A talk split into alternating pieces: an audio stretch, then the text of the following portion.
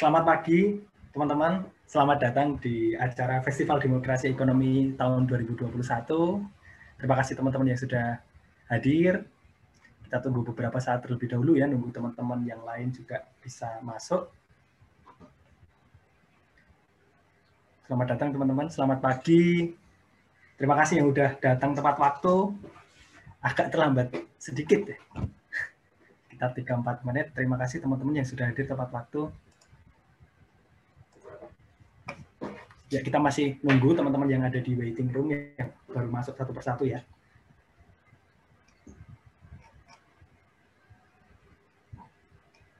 Oke.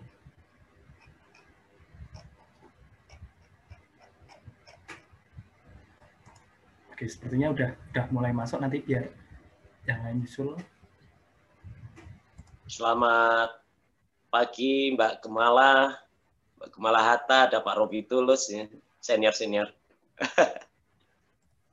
Selamat malam di sana, Mas. Oh iya, selamat malam. Selamat pagi. Selamat pagi di sana. Ya, selamat okay. malam, Pak Ruby. Mari saya mulai acaranya ya. Sebelumnya perkenalkan, nama saya M. Bima Lubdika. Uh, saya salah satu co-founder dari Gapatma yang hari ini akan menjadi MC, namun nanti akan juga bergantian dengan MC Nalubdika yang juga salah satu co-founder Gapatma, karena nanti kita selang-seling ada mengisi acara dan juga ada menjadi MC. Untuk yang pertama ini, izin saya akan menjadi MC terlebih dahulu untuk membuka menyambut teman-teman yang sudah hadir. Selamat datang kepada para peserta FDE 2021 dan juga perwakilan lembaga dan juga seluruh pengisi acara yang sudah hadir di Festival Demokrasi Ekonomi 2021 atau kami singkat FDE 2021. Sebuah festival FDE itu adalah sebuah festival online pertama bertema demokrasi ekonomi. Demokrasi ekonomi sendiri merupakan cita-cita yang sudah terpatri dalam Undang-Undang Dasar 1945 pasal 33 ayat 4.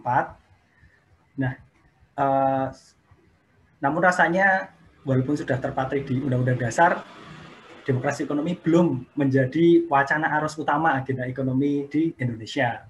Nah, oleh karena itu, di tahun ini uh, diselenggarakan Festival Demokrasi Ekonomi 2021 dengan tema menyalakan kembali mimpi demokrasi ekonomi.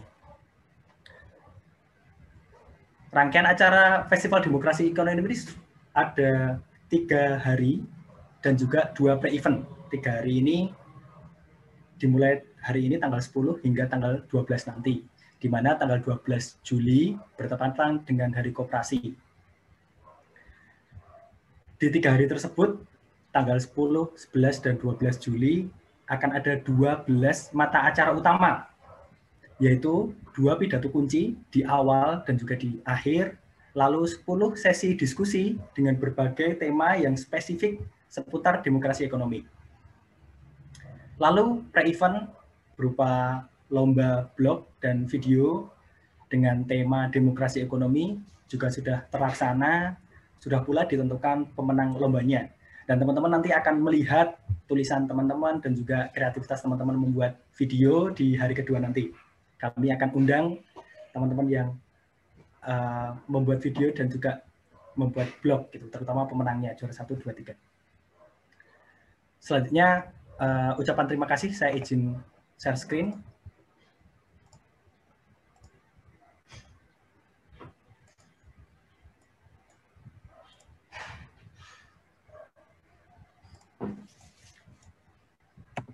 Ucapan terima kasih kepada para pendukung acara FD 2021 ini 2021 ini sehingga bisa terlaksana ada dari ASEC ASEAN Solidarity Economic Council dari Ecopin dari LSP2I, dari platform Koperasi Digital atau KODI, dari Siger Innovation Hub, Incubator of Startup, dan juga PPKL Jaksel.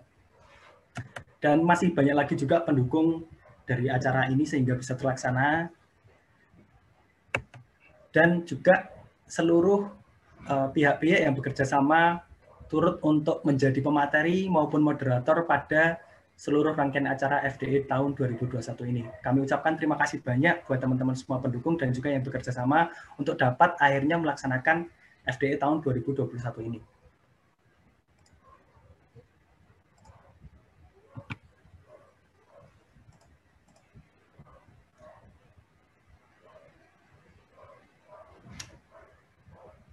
Nah, acara ini juga dapat terlaksana berkat kerjasama banyak sekali lembaga ya yang berkenan untuk mendukung dan juga menjadi pemateri dan moderator daripada setiap sesi yang ada.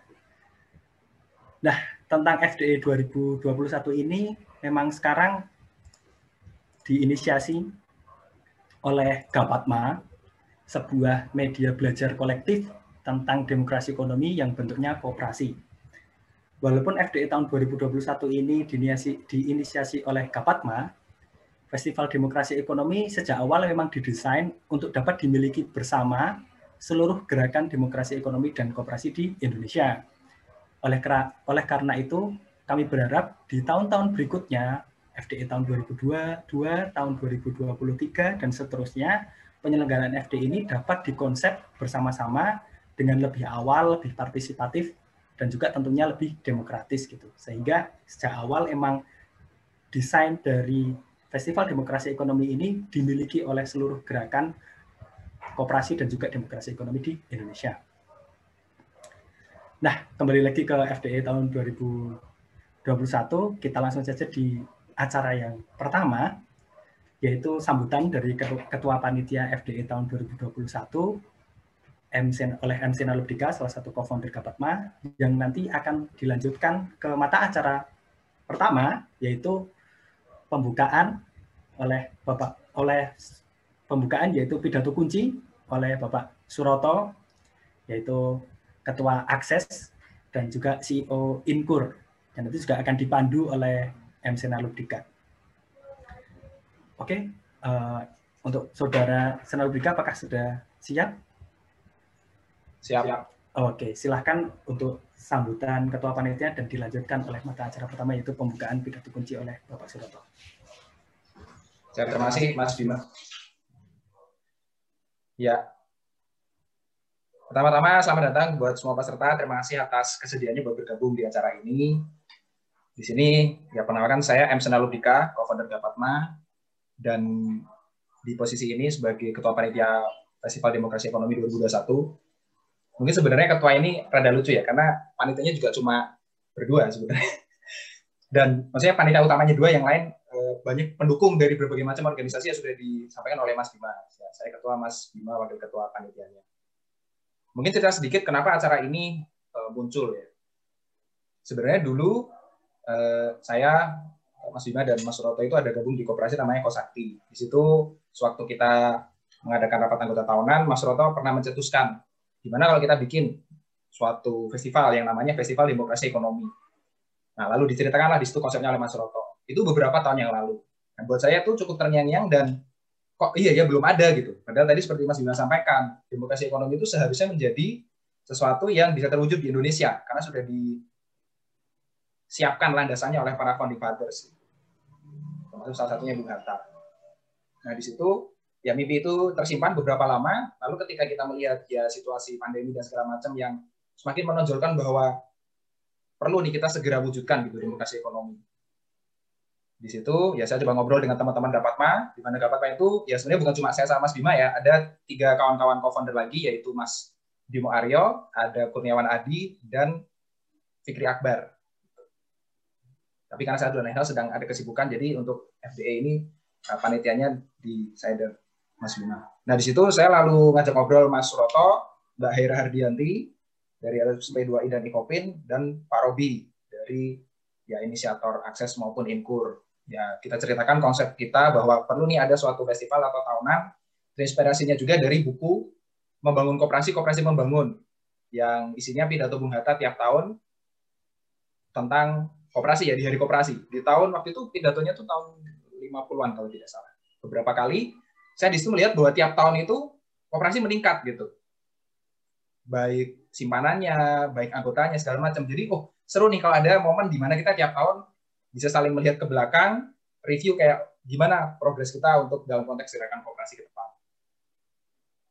Jadi ya kita coba 2021. Ngomong angkanya enak ya, 2021. Jadi ada ini acara ke satu.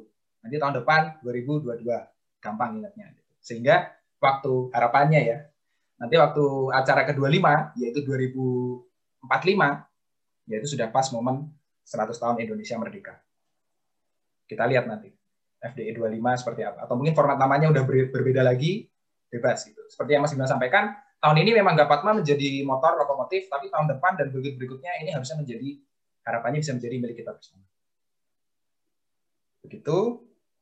Ya sekali lagi terima kasih pada semua peserta, pendukung, mitra yang membantu dengan berbagai macam cara ya. Ada dengan finansial, ada dengan membantu promosi, ada dengan membantu uh, mematangkan konsep berbagai macam. Ini tidak mungkin terjadi hanya kalau dengan panitia inti saja gitu. Tetap semuanya uh, menjadi bagian dari terselenggaranya acara ini. Paling itu saja pembukaannya dari saya. Lalu kita lanjut ke mata acara berikutnya. Di sini saya akan berlaku sebagai moderator, jadi agak berubah sedikit ya. Tadi kan pemateri atau pengisi acara.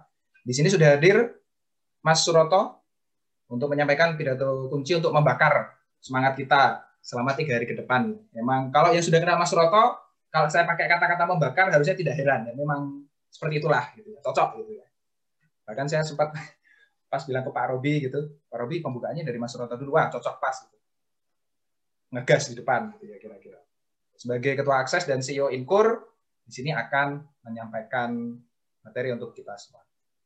Sudah hadir. Halo Mas Suroto. Halo, selamat pagi Mas Sena. Pagi Mas Suroto. Gimana mas kabarnya? Sehat? Sehat. Ya, selamat pagi uh, Bapak Ibu semua ada Pak Robi, ada Bu Kemala Hatta tadi. Mas ya. Oke. Sudah hadir, oh ya ada juga Bu Kemala Hatta, Pak Robi. Selamat datang semuanya. Siap. Mas Roto mau langsung masuk ke slide, saya siapkan kalau mau ah, okay. atau ada pembukaan dulu. Saya kira langsung juga nggak apa-apa supaya kita bisa hemat waktu, teman-teman juga nanti bisa berinteraksi secara uh, lebih dialektis gitu. Jadi ini bukan pidato monolog gitu. Jadi kesannya kok kayak waduh. ya kalau gitu mau langsung ya. kalau misalnya mau langsung masuk mas, saya mungkin ada intro sedikit, ada tools yang perlu teman-teman ketahui namanya Slido.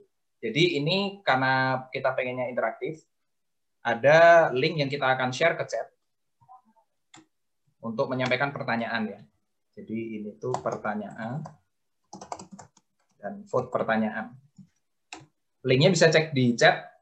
Jadi ini kawan-kawan kalau buka link tersebut, itu tuh ada satu halaman di mana teman-teman bisa ngisi pertanyaan. Atau kalaupun nggak belum kepikiran mau tanya apa, bisa nge-like pertanyaan temennya yang lain. Kita kan sering kayak gitu ya. Jadi, wah belum kepikiran mau tanya apa. Tapi ada orang nanya, oh bagus nih, saya like saja lah. Jadi paling atas. Nanti kita akan ambil pertanyaan dari yang paling atas. Ya kita kan ceritanya demokrasi ya. Jadi voting tertinggi kita kasih privilege duluan gitu. Jadi mohon segera kalau ada pertanyaan langsung isikan di sana karena kalau ngisi duluan berarti kemungkinan buat di like temennya lebih besar. Gitu. Nanti kita akan remind beberapa kali setelah acara. Paling itu saja, Mas Roto. Saya buka slide-nya. Ya. Selamat pagi, selamat malam untuk Pak Robi Tulus. Spesial sekali ini. Bapak Ibu sekalian, saya senang sekali bisa uh, berkenalan dan bersilaturahmi pada kesempatan yang baik ini. Nama saya Suroto, saya uh, aktif di satu organisasi namanya Asosiasi Kader Sosioekonomi Strategis. Ini semacam lembaga think tank kolektif tadi ya seperti kelompok epistemik juga seperti Gapat Maini gitu loh. Jadi eh, apa saya senang sekali ada anak muda uh, yang apa terus kemudian sangat peduli sekali seperti Mas Sena dan Mas Bima yang uh, menjadi host hari ini. Dan uh, tentunya ini suatu inisiasi yang luar biasa. Menurut saya kenapa? Karena isu penting demokrasi ekonomi ini adalah isu yang tertinggal di buritan. Jadi eh, demokrasi hari ini pun yaitu demokrasi yang eh, berubah menjadi eh, sangat prosedural bukan demokrasi substansial ini tentunya juga menjadi satu problem ketika demokrasi kita maknai di dalam kehidupan berbangsa dan bernegara. Dan saya berharap dengan adanya demokrasi dan isu demokratisasi ekonomi ke depan ini seperti harapan panitia tadi juga Mas Bima dan Mas Sena sampaikan eh, kita bisa betul-betul mendapat satu eh, apa satu genuinitas atau keaslian dari demokrasi itu di dalam kehidupan berbangsa kita gitu. Dan eh, tentunya saya senang sekali bisa terlibat langsung dan ke depan saya kira secara kelembagaan kami akan berkomitmen eh, secara partisipatorik mungkin pembicaraan-pembicaraan yang lebih teknis dan sebagainya bisa dibahas lebih jauh-jauh lebih hari. Eh, maksud saya eh, lebih lama lagi perencanaannya dan sebagainya seperti yang eh, tadi Mas eh, Sena dan Bima katakan. Dan eh, bagi saya ini satu yang mengharukan karena belum ada festival seperti ini dan padahal ini adalah isu strategis yang berada di dalam uh, eh, sistem ekonomi konstitusi kita. Gitu. Demikian dan uh, mungkin bisa masuk ke slide kedua. Bapak Ibu sekalian, saya sedikit agak teoritis di sini karena apa? Karena uh, tentunya uh, penting sekali kita pahami sebenarnya eh, makna dari demokrasi ekonomi itu apa. Demokrasi ekonomi adalah suatu sistem yang memungkinkan bagi setiap orang untuk memiliki hak setara dalam proses partisipasi aktif dalam aktivitas produksi, distribusi maupun konsumsi. Dan ini uh, juga dipertegas sebetulnya di dalam uh, Undang-Undang Dasar 45 yang dirumuskan terutama oleh Bung Hatta sendiri. Bung Hatta sendiri mengatakan secara serius dan beliau mengatakan bahwa pasal 33 itu adalah di tangan saya sendiri. Artinya keabsahan dari substansi pasal 33 itu kita juga harus banyak merujuk kepada pandangan-pandangan Bung Hatta, terutama di dalam uh, tulisan-tulisan atau buku dan sebagainya. Yang tadi juga sudah salah satunya disebutkan ada buku Bung Hatta tentang uh, koperasi membangun, membangun koperasi. Tapi banyak sekali tema-tema uh, demokrasi dan juga demokrasi ekonomi yang uh, juga persoalan-persoalan uh, kebangsaan yang lain tentunya yang ditulis oleh Bung Hatta dan bahkan LP3ES itu sedang uh, juga membuat acara rentetan acara uh, menjelang uh, hari koperasi juga. Tapi sekaligus uh, memperingati hari ulang tahun LP3ES itu membedah pemikiran Bung Hatta. Di mana uh, ada buku serial yang juga diterbitkan oleh LP3ES secara serius dengan uh, tim yang uh, tentunya uh, valid karena uh, kalau tidak salah diketuai oleh Profesor Emil Salim, di dalamnya ada dari uh, uh, di dalamnya timnya juga ada Profesor Sri Edi Swasono dan sebagainya. Dan ini saya kira uh, saatnya yang uh, kita perlu uh, perkuat uh, visi dari demokrasi ekonomi ini. Kenapa? Karena seperti Mas Sena katakan, itu anak muda ini luar biasa Mas Sena ini. Beliau mengatakan bahwa demokrasi politik tanpa demokrasi ekonomi itu hanya guyon. Gitu. Nah, tentunya eh, mari kita lihat sampai sejauh mana sebetulnya agenda eh, agenda ini juga berjalan. Dan eh, kita tahu bahwa demokrasi ekonomi itu kenapa menjadi pilihan strategis para founding father dengan pertim banyak pertimbangan tentunya yang paling penting adalah bahwa ekonomi Indonesia itu mewarisi suatu sistem ekonomi yang uh, mengalami kesenjangan struktural akibat dari uh, sistem pemerintahan kolonial yang berkembang sebelumnya. Jadi kita lihat ada kemakmuran segelintir di atas dan kemudian uh, rakyat banyak, terutama dulu pribumi yang menderita. Nah, apakah sampai hari ini struktur itu berubah? Saya lihat justru kondisinya itu semakin konsentratif dan semakin akumulatif. Ditambah lagi banyak kerusakan-kerusakan di dalam eh, eh, sistem masyarakat kita dan juga sumber daya alam. Nah, ini yang tentunya eh, saya menganggap eh, juga eh, peristiwa politik hari ini yang eh, banyak dikuasai oleh segelintir elit eh, dan juga eh, tentunya eh, elit kaya yang mendominasi seluruh kebijakan-kebijakan sosial ekonomi kita hari-hari. Ini adalah peristiwa penting menurut saya festival demokrasi ekonomi ini untuk kita uh, kembangkan. Jadi demokrasi ekonomi adalah suatu sistem ekonomi konstitusi. Jadi tidak ada eh, keraguan bagi saya dan tentunya eh, Bapak Ibu sekalian eh, apabila eh, kita eh, memaknai demokrasi ekonomi ini bukan sesuatu yang eh, ini bukan sesuatu yang eh, di luar sistem.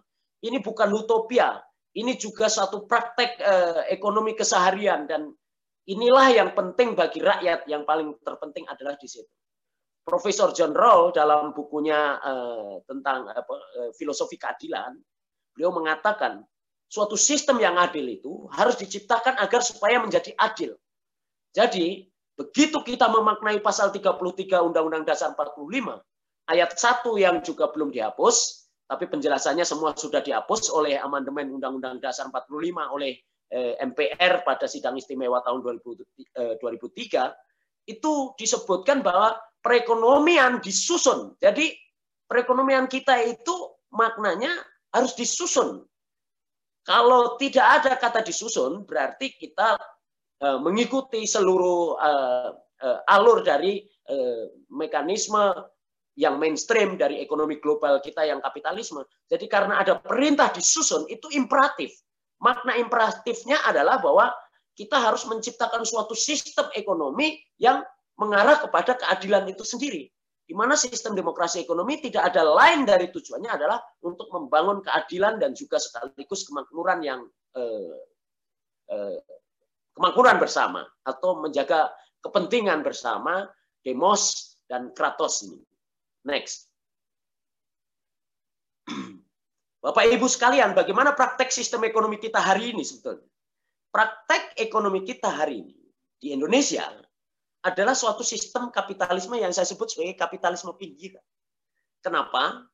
Jadi pandangan Wallenstein, Profesor Wallenstein, itu eh, kapitalisme itu disusun eh, sedemikian rupa dan uh, di mana ada satu sentrum kapitalisme dan kemudian ada yang uh, sifatnya pinggiran. Nah, sentrumnya itu adalah negara-negara maju di mana banyak uh, multinational corporation sebagai uh, lembaga uh, sahih dari uh, sistem kapitalisme itu sendiri didukung dengan banyak organisasi-organisasi multinasional dan multilateral uh, yang uh, menjadi kaki tangan dari uh, sistem uh, berjalannya uh, hubungan patron uh, patron uh, hubungan ketergantungan antara kapitalis sentrum dan kapitalis pinggiran ini. Dan celakanya adalah Indonesia ini sebagai negara yang uh, muda dan juga tentunya sekarang sudah tua karena sudah menjelang 75 tahun.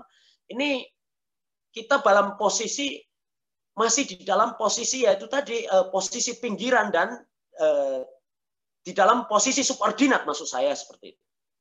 Nah, semasa Orde Baru berkuasa 50 tahun yang lalu dimulai dengan uh, adanya peristiwa pergantian rezim dari Soekarno ke Soeharto.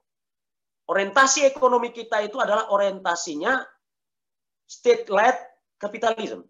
State-led capitalism itu artinya kepemimpinan dari eh, ekonomi itu berada di tangan eh, negara.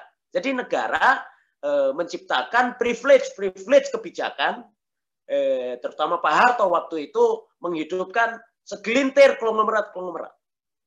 Baik itu eh, terus kemudian bertumbuh. Nah, ke arah mana sebetulnya eh, sistem kebijakan Orde Baru waktu itu adalah bagaimana mencapai pertumbuhan ekonomi dengan stabilitas politik yang di apa, yang dijaga melalui sistem militerisme, kemudian eh, ditambah lagi dengan eh, adanya tentunya eh, eh, apa, patron claim, sistem patron claim antara elit kaya dan elit politik ini. Dan elit politik itu komandonya jelas dulu adalah ada di tangan Pak Harto dan ini merupakan eh, satu sistem eh, autokrasi ya jadi semua kekuasaan mengalir dari kekuasaan uh, state atau uh, presiden. Yang bahkan kita lihat banyak sekali keputusan-keputusan atau kebijakan-kebijakan yang uh, itu melebihi dari undang-undang itu sendiri.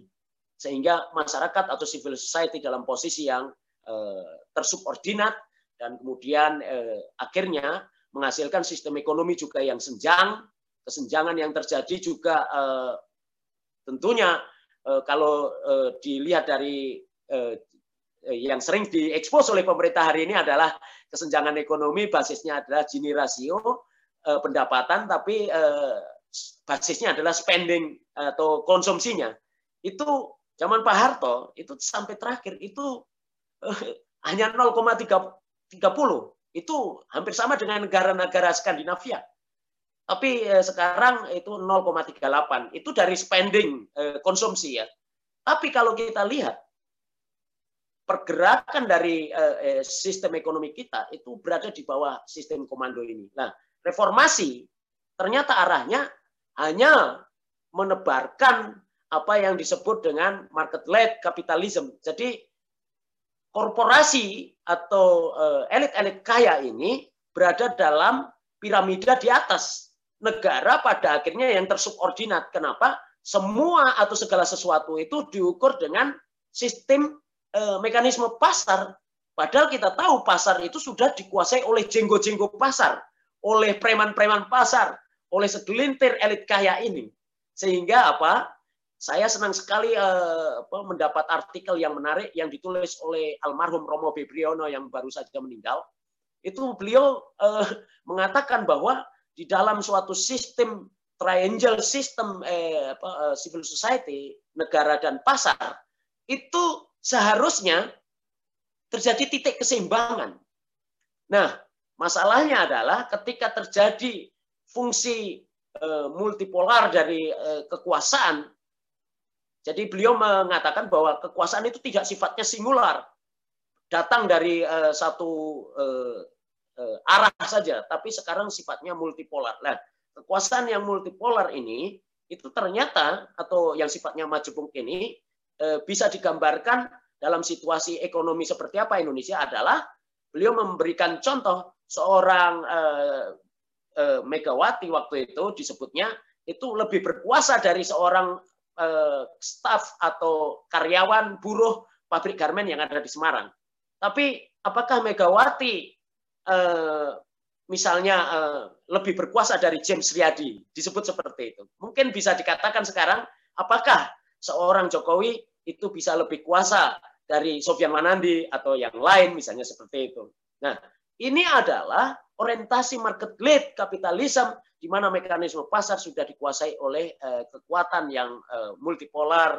Tapi eh, tentunya subordinasinya adalah kita bisa lihat eh, degradasi yang ada di dalam struktur apa di dalam aktor-aktor eh, eh, kenegaraan kita. Misalnya organisasi politik, organisasi bisnis, organisasi sosial, sekarang dalam posisi tersubordinasi kepada kepentingan pasar ini, pasar yang kapitalistik ini.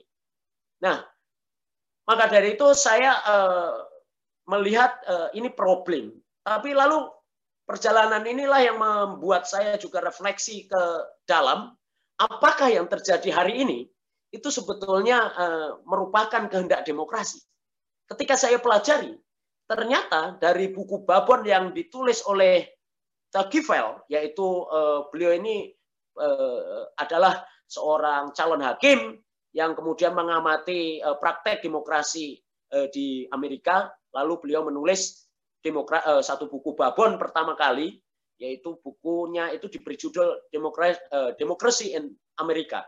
Dan Eh, nyata-nyata sekali beliau juga membuat sitiran yang menarik eh, dari kesimpulannya eh, dari buku tersebut juga beliau mengatakan bahwa hati-hati dengan demokrasi. Kenapa? Karena demokrasi itu bisa membelokkan pikiran atau otak seorang intelektual sekalipun secara lembut ke kanan maupun ke kiri.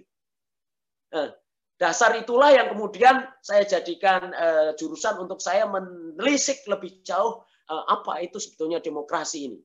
Dan kemudian ketika saya temukan banyak tulisan-tulisan pendiri Republik ini, terutama Bung Hatta, terus kemudian uh, Soekarno, bahkan uh, uh, Tan Malaka, terus kemudian uh, buku, uh, pidato Tan Malaka ini bahkan yang mempengaruhi tulisan-tulisan Bung Hatta dan Bung Karno juga, dan juga Syahrir dan lain-lain, tokoh-tokoh pendiri Republik kita itu semua hampir kompak termasuk eh, eh, eh, apa yang juga eh, di, ditulis oleh eh, Bapak Guru Bangsa kita H.W.S. Cokraminoto. Jadi demokrasi politik tanpa demokrasi ekonomi dikatakan oleh Bung Hatta itu adalah suatu eh, yang akan lahir adalah sistem autokrasi. Nah, Next. Slide selanjutnya. Autokrasi hari ini sebetulnya dalam bentuk apa? Saya memberikan nama baru, autokrasi hari ini. Autokrasi itu adalah sistem yang mengalir kekuasaannya adalah terpusat dari eh, dari satu sumber, kemudian mengalir ke bawah, mengeras bersama birokrasi. Itu orang mengatakan sekarang ini ditambah dengan feodalisme dan birokrasi serta uh, sistem autokrasi ini menjadi sistem patrimoni.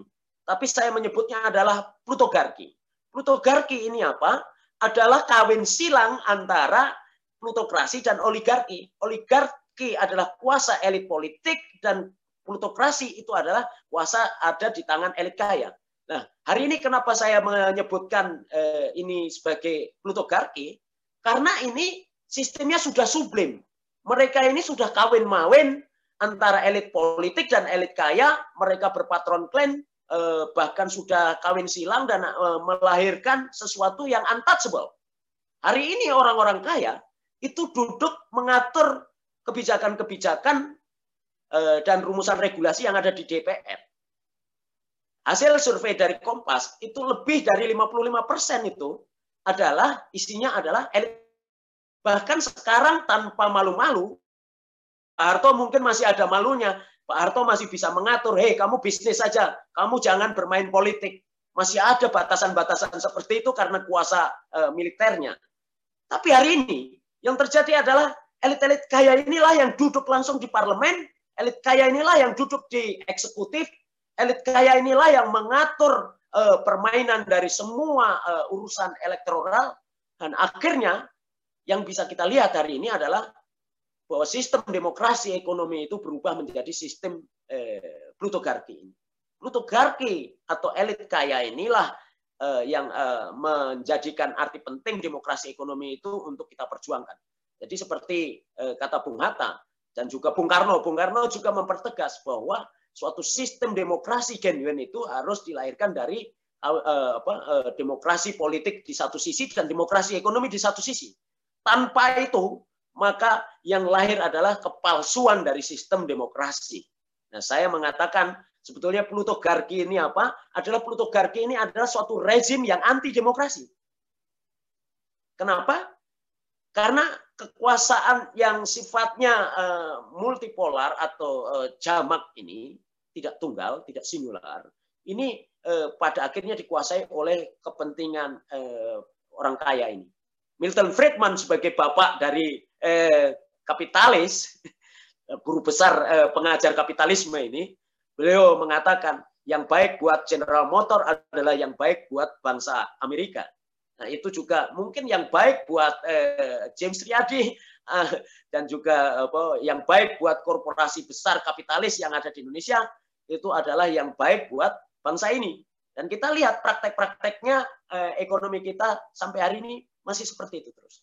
Nah, laissez-faire, laissez-faire ini sebagai suatu dogma dari eh, pendorong spirit dari kapitalisme itu sendiri, di mana eh, ini adalah satu eh, manifestasi dari di mana kamu bisa bebas bertindak dan bebas bergerak. Inilah spirit dari kapitalisme ini muncul. Lalu yang kedua adalah adanya ekonomi Smithian. Jadi eh, Adam Smith, Adam Smith ini uh, adalah sebetulnya seorang idealis dan juga moralis. Ada buku beliau Moral Sentiment uh, dan ini uh, adalah dasar dari uh, ekonomi itu juga harusnya berbasis nilai. Tapi ada yang menarik lagi adalah di dalam an equary uh, The Wealth of Nation-nya beliau yang bicara tentang uh, arti dari ekonomi invisible hand. Invisible hand itu artinya bahwa beliau punya idealita karena beliau ini seorang filsuf, maka punya idealita bahwa harusnya pasar itu tanpa intervensi negara sehingga dia ber, bisa bergerak e, mengikuti mekanisme pasar yaitu antara mekanisme demand dan supply sehingga itu akan terjadi titik equilibrium atau keseimbangan yang sempurna. Tapi masalahnya adalah itu tidak ada di dalam realitas kehidupan dari sejak zaman dulu. Bahkan dari sejak zaman eh, Adam dan Hawa mungkin saya tidak tahu zaman eh, itu seperti apa, tapi tentunya eh, itu tidak akan mungkin terjadi. Pasar itu adalah fakta. Eh, kita berangkat dari eh, eh, satu kondisi empiris atau fakta lapangan bahwa kesenjangan yang terjadi dan kemudian penguasaan-penguasaan ekonomi oleh elit, oleh jenggo-jenggo pasar, oleh preman-preman pasar ini, ini sudah terjadi.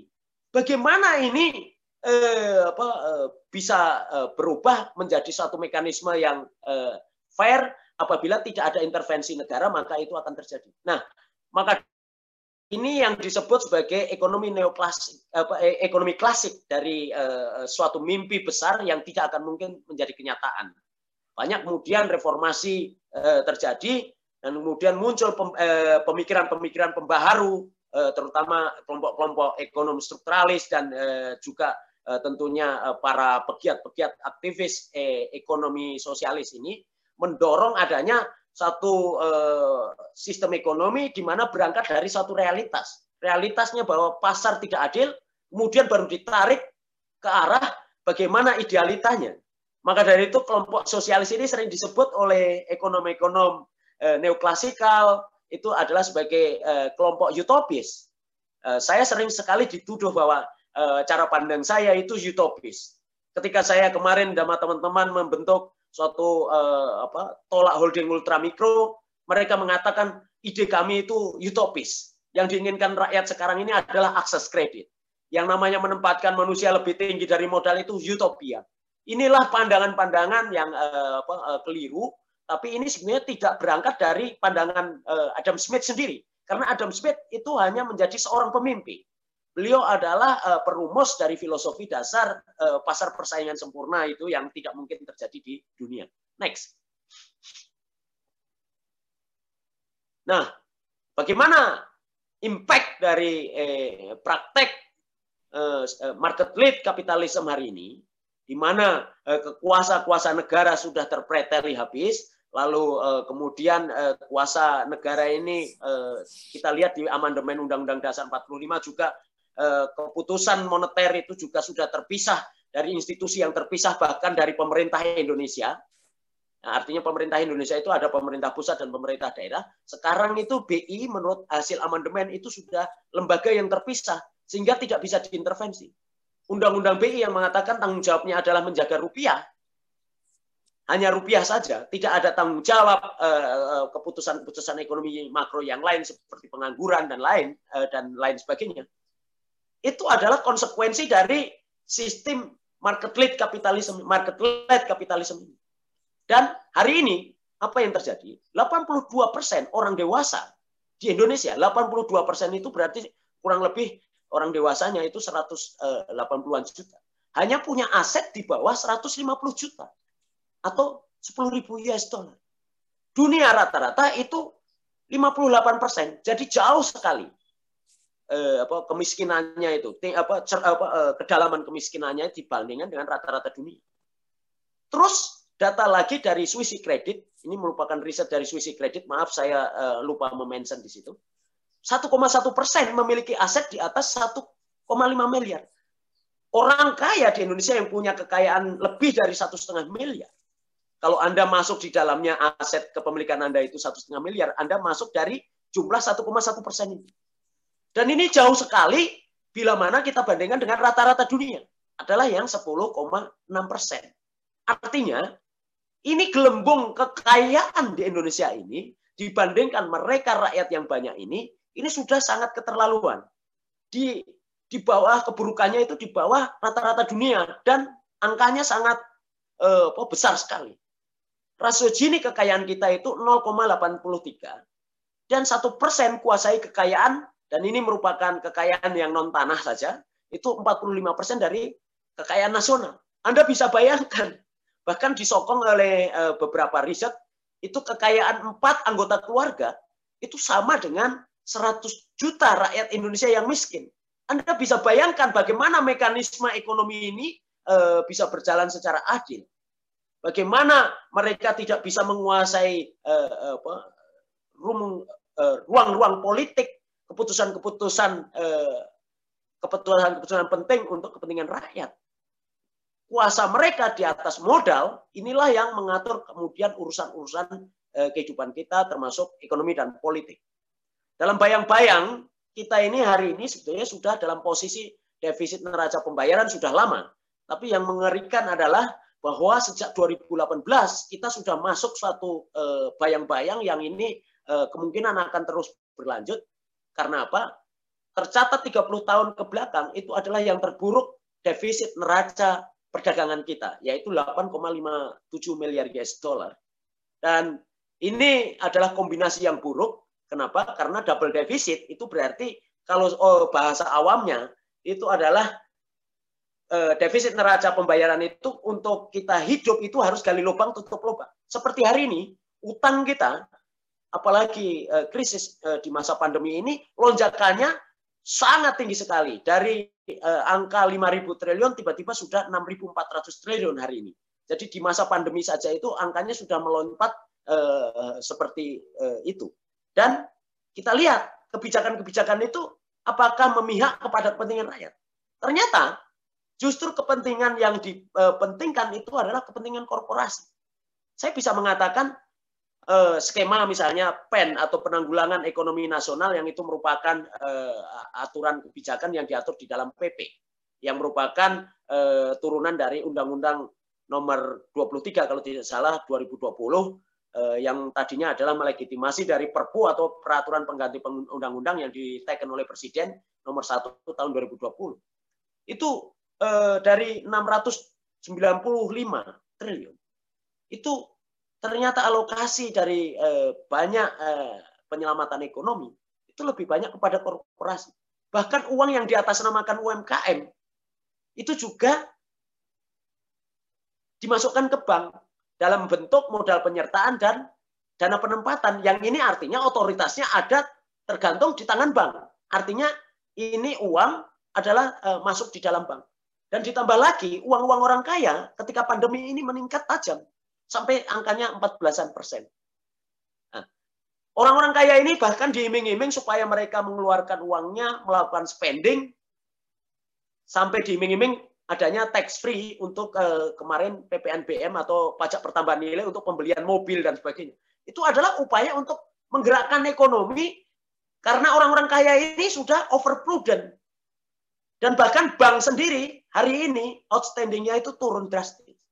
Jadi ini adalah satu gejala bahwa kita ini dalam setiap saat terancam oleh satu sistem ekonomi yang kebijakan-kebijakannya itu menutup kemungkinan untuk rakyat banyak ini bisa mendapatkan sovereignty atau kedaulatan. Nah, yang ke selanjutnya adalah bonus demografi. Ini apakah akan eh, kita nikmati sebagai satu berkah ataukah musibah? Bonus demografi hari ini digambarkan oleh eh, pergerakan jumlah penduduk anak-anak muda yang produktif ini di angka umur produktifnya itu semakin banyak.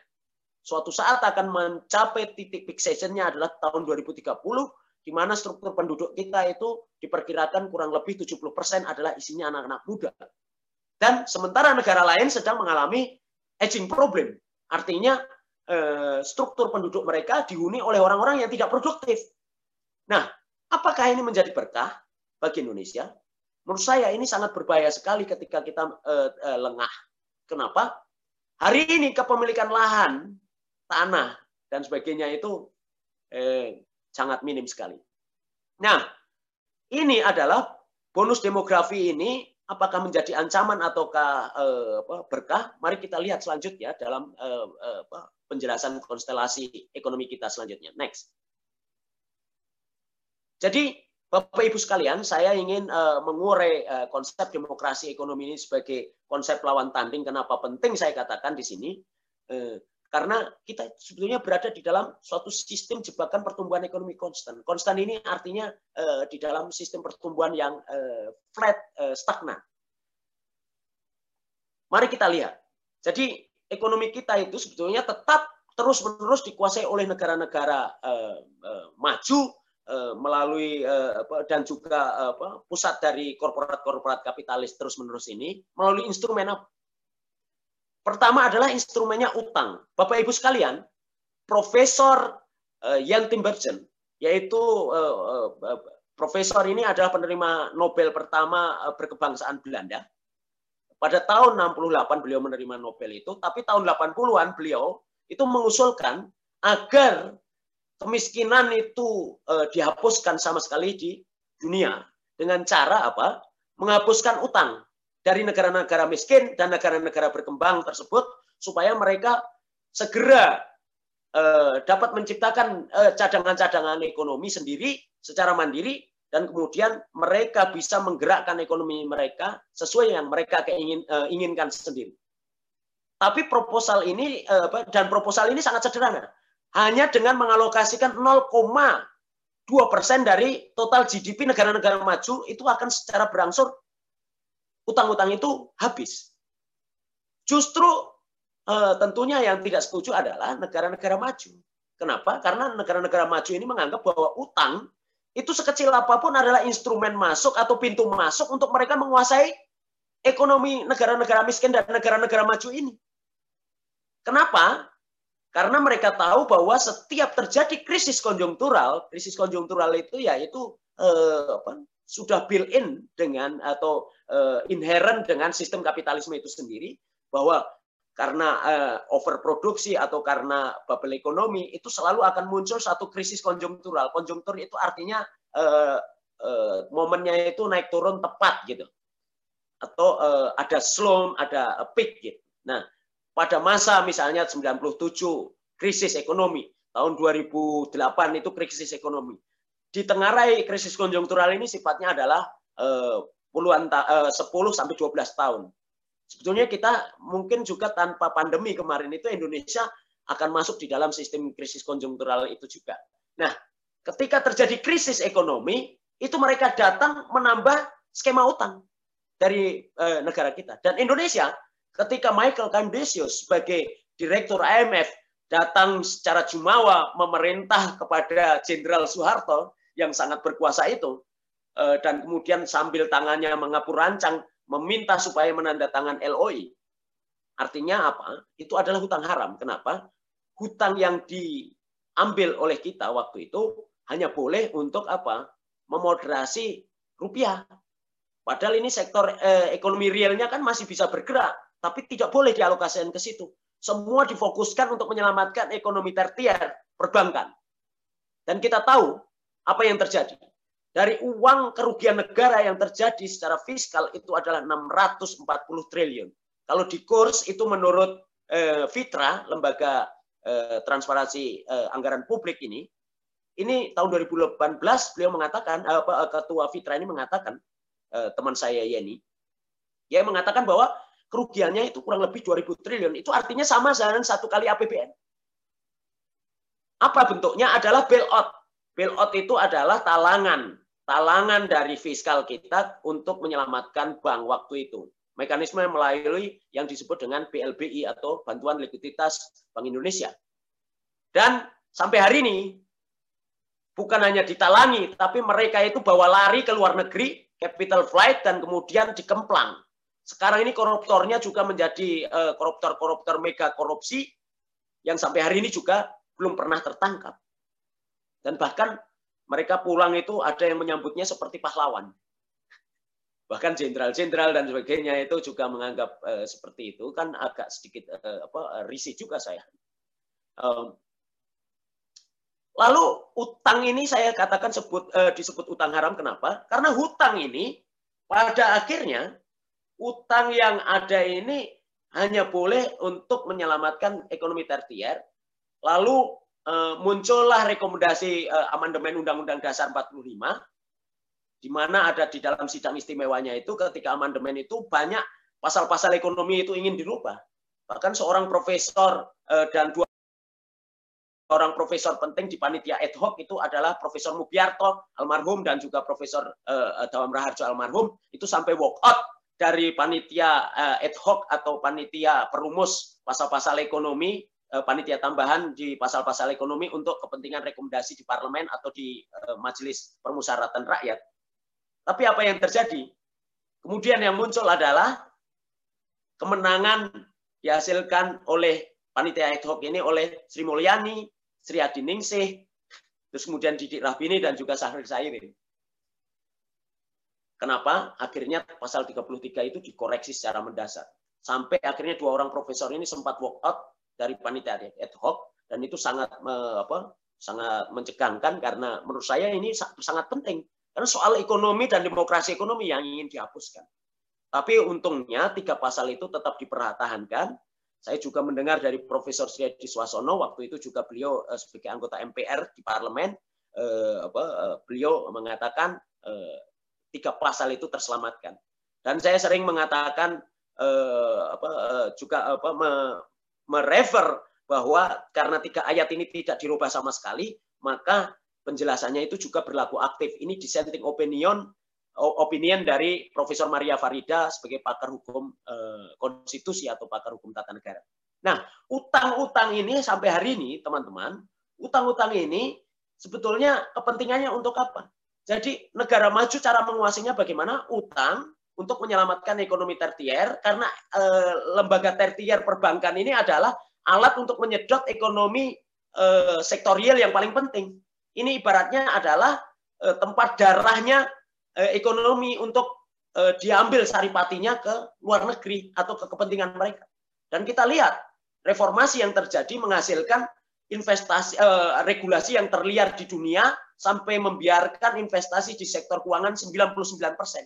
Bandingkan dengan Malaysia yang hanya 17,5 persen. Bandingkan dengan Amerika sendiri yang hanya 30 persen. Nah, jebakan utang hari ini itu dipaksakan utang hanya boleh untuk membangun uh, infrastruktur fisik. Kita lihat hari ini Presiden Jokowi di dalam periode pertama diteruskan sampai periode kedua bahkan di masa pandemi ini adalah pembangunan infrastruktur fisik yang di mana-mana uh, terjadi tapi tanpa perhitungan produktivitas dan kelayakan dari cost and benefit yang terjadi. Kita lihat jalan panjang dari ujung utara uh, Jayapura sampai Merauke sudah tembus. Tapi kita lihat apakah ada orang-orang yang uh, melewatinya. Bahkan hari ini untuk memotong rumput yang menyeberang karena tidak ada yang lewat itu pun harus butuh tenaga kerja untuk uh, apa, memaintenance itu. Nah, jebakan kedua adalah jebakan ini tadi uh, utang-utang yang dikomitmenkan diatur sedemikian rupa untuk membangun infrastruktur, tapi infrastrukturnya adalah infrastruktur fisik yang merupakan faktor endorsement atau faktor pendukung bagi kepentingan mereka juga negara maju, foreign direct investment. Negara-negara maju mau datang membawa investasi mereka kalau infrastrukturnya memadai. Maka dari itu pidato Presiden Indonesia yang pertama di Singapura, di mana-mana, Singapura itu adalah investor terbesar hari ini di Indonesia, kemudian Jepang dan Amerika, itu pidato eh, presiden kita agak sedikit eh, menurut saya memalukan sebagai bangsa besar. Yang diundang adalah kepentingan investasi dengan melakukan deregulasi. Dan kemudian sekarang kita lihat undang-undang cipta kerja yang eh, sebenarnya dagingnya adalah eh, untuk kepentingan memperlancar foreign direct investment ini semata-mata. Lebih banyak ada di situ fokusnya, saya lihat. Bukan penyelamatan ekonomi rakyat. Lalu eh, infrastruktur fisik ini kan mereka ini foreign direct investment ini tidak mau eh, terlalu costly untuk investasi. Makanya dibebankanlah eh, ke fiskal kita melalui mekanisme utang. Utangnya ini sudah eh, mengandung bunga yang berarti memberikan keuntungan kepada mereka.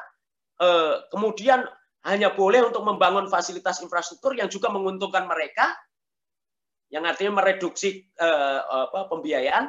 Yang ketiga adalah kita terjebak pada investasi. Jadi Bapak Ibu sekalian, ekonomi pertumbuhannya itu tergantung dari konsumsi, investasi dan juga uh, tentunya eh, konsumsi, investasi dan uh, uh, apa? Uh, ya, ya terutama konsumsi dan investasi yang paling besar. Nah, uh, hari ini kita terjebak pada satu investasi yang itu murni kepada komoditi ekstraktif.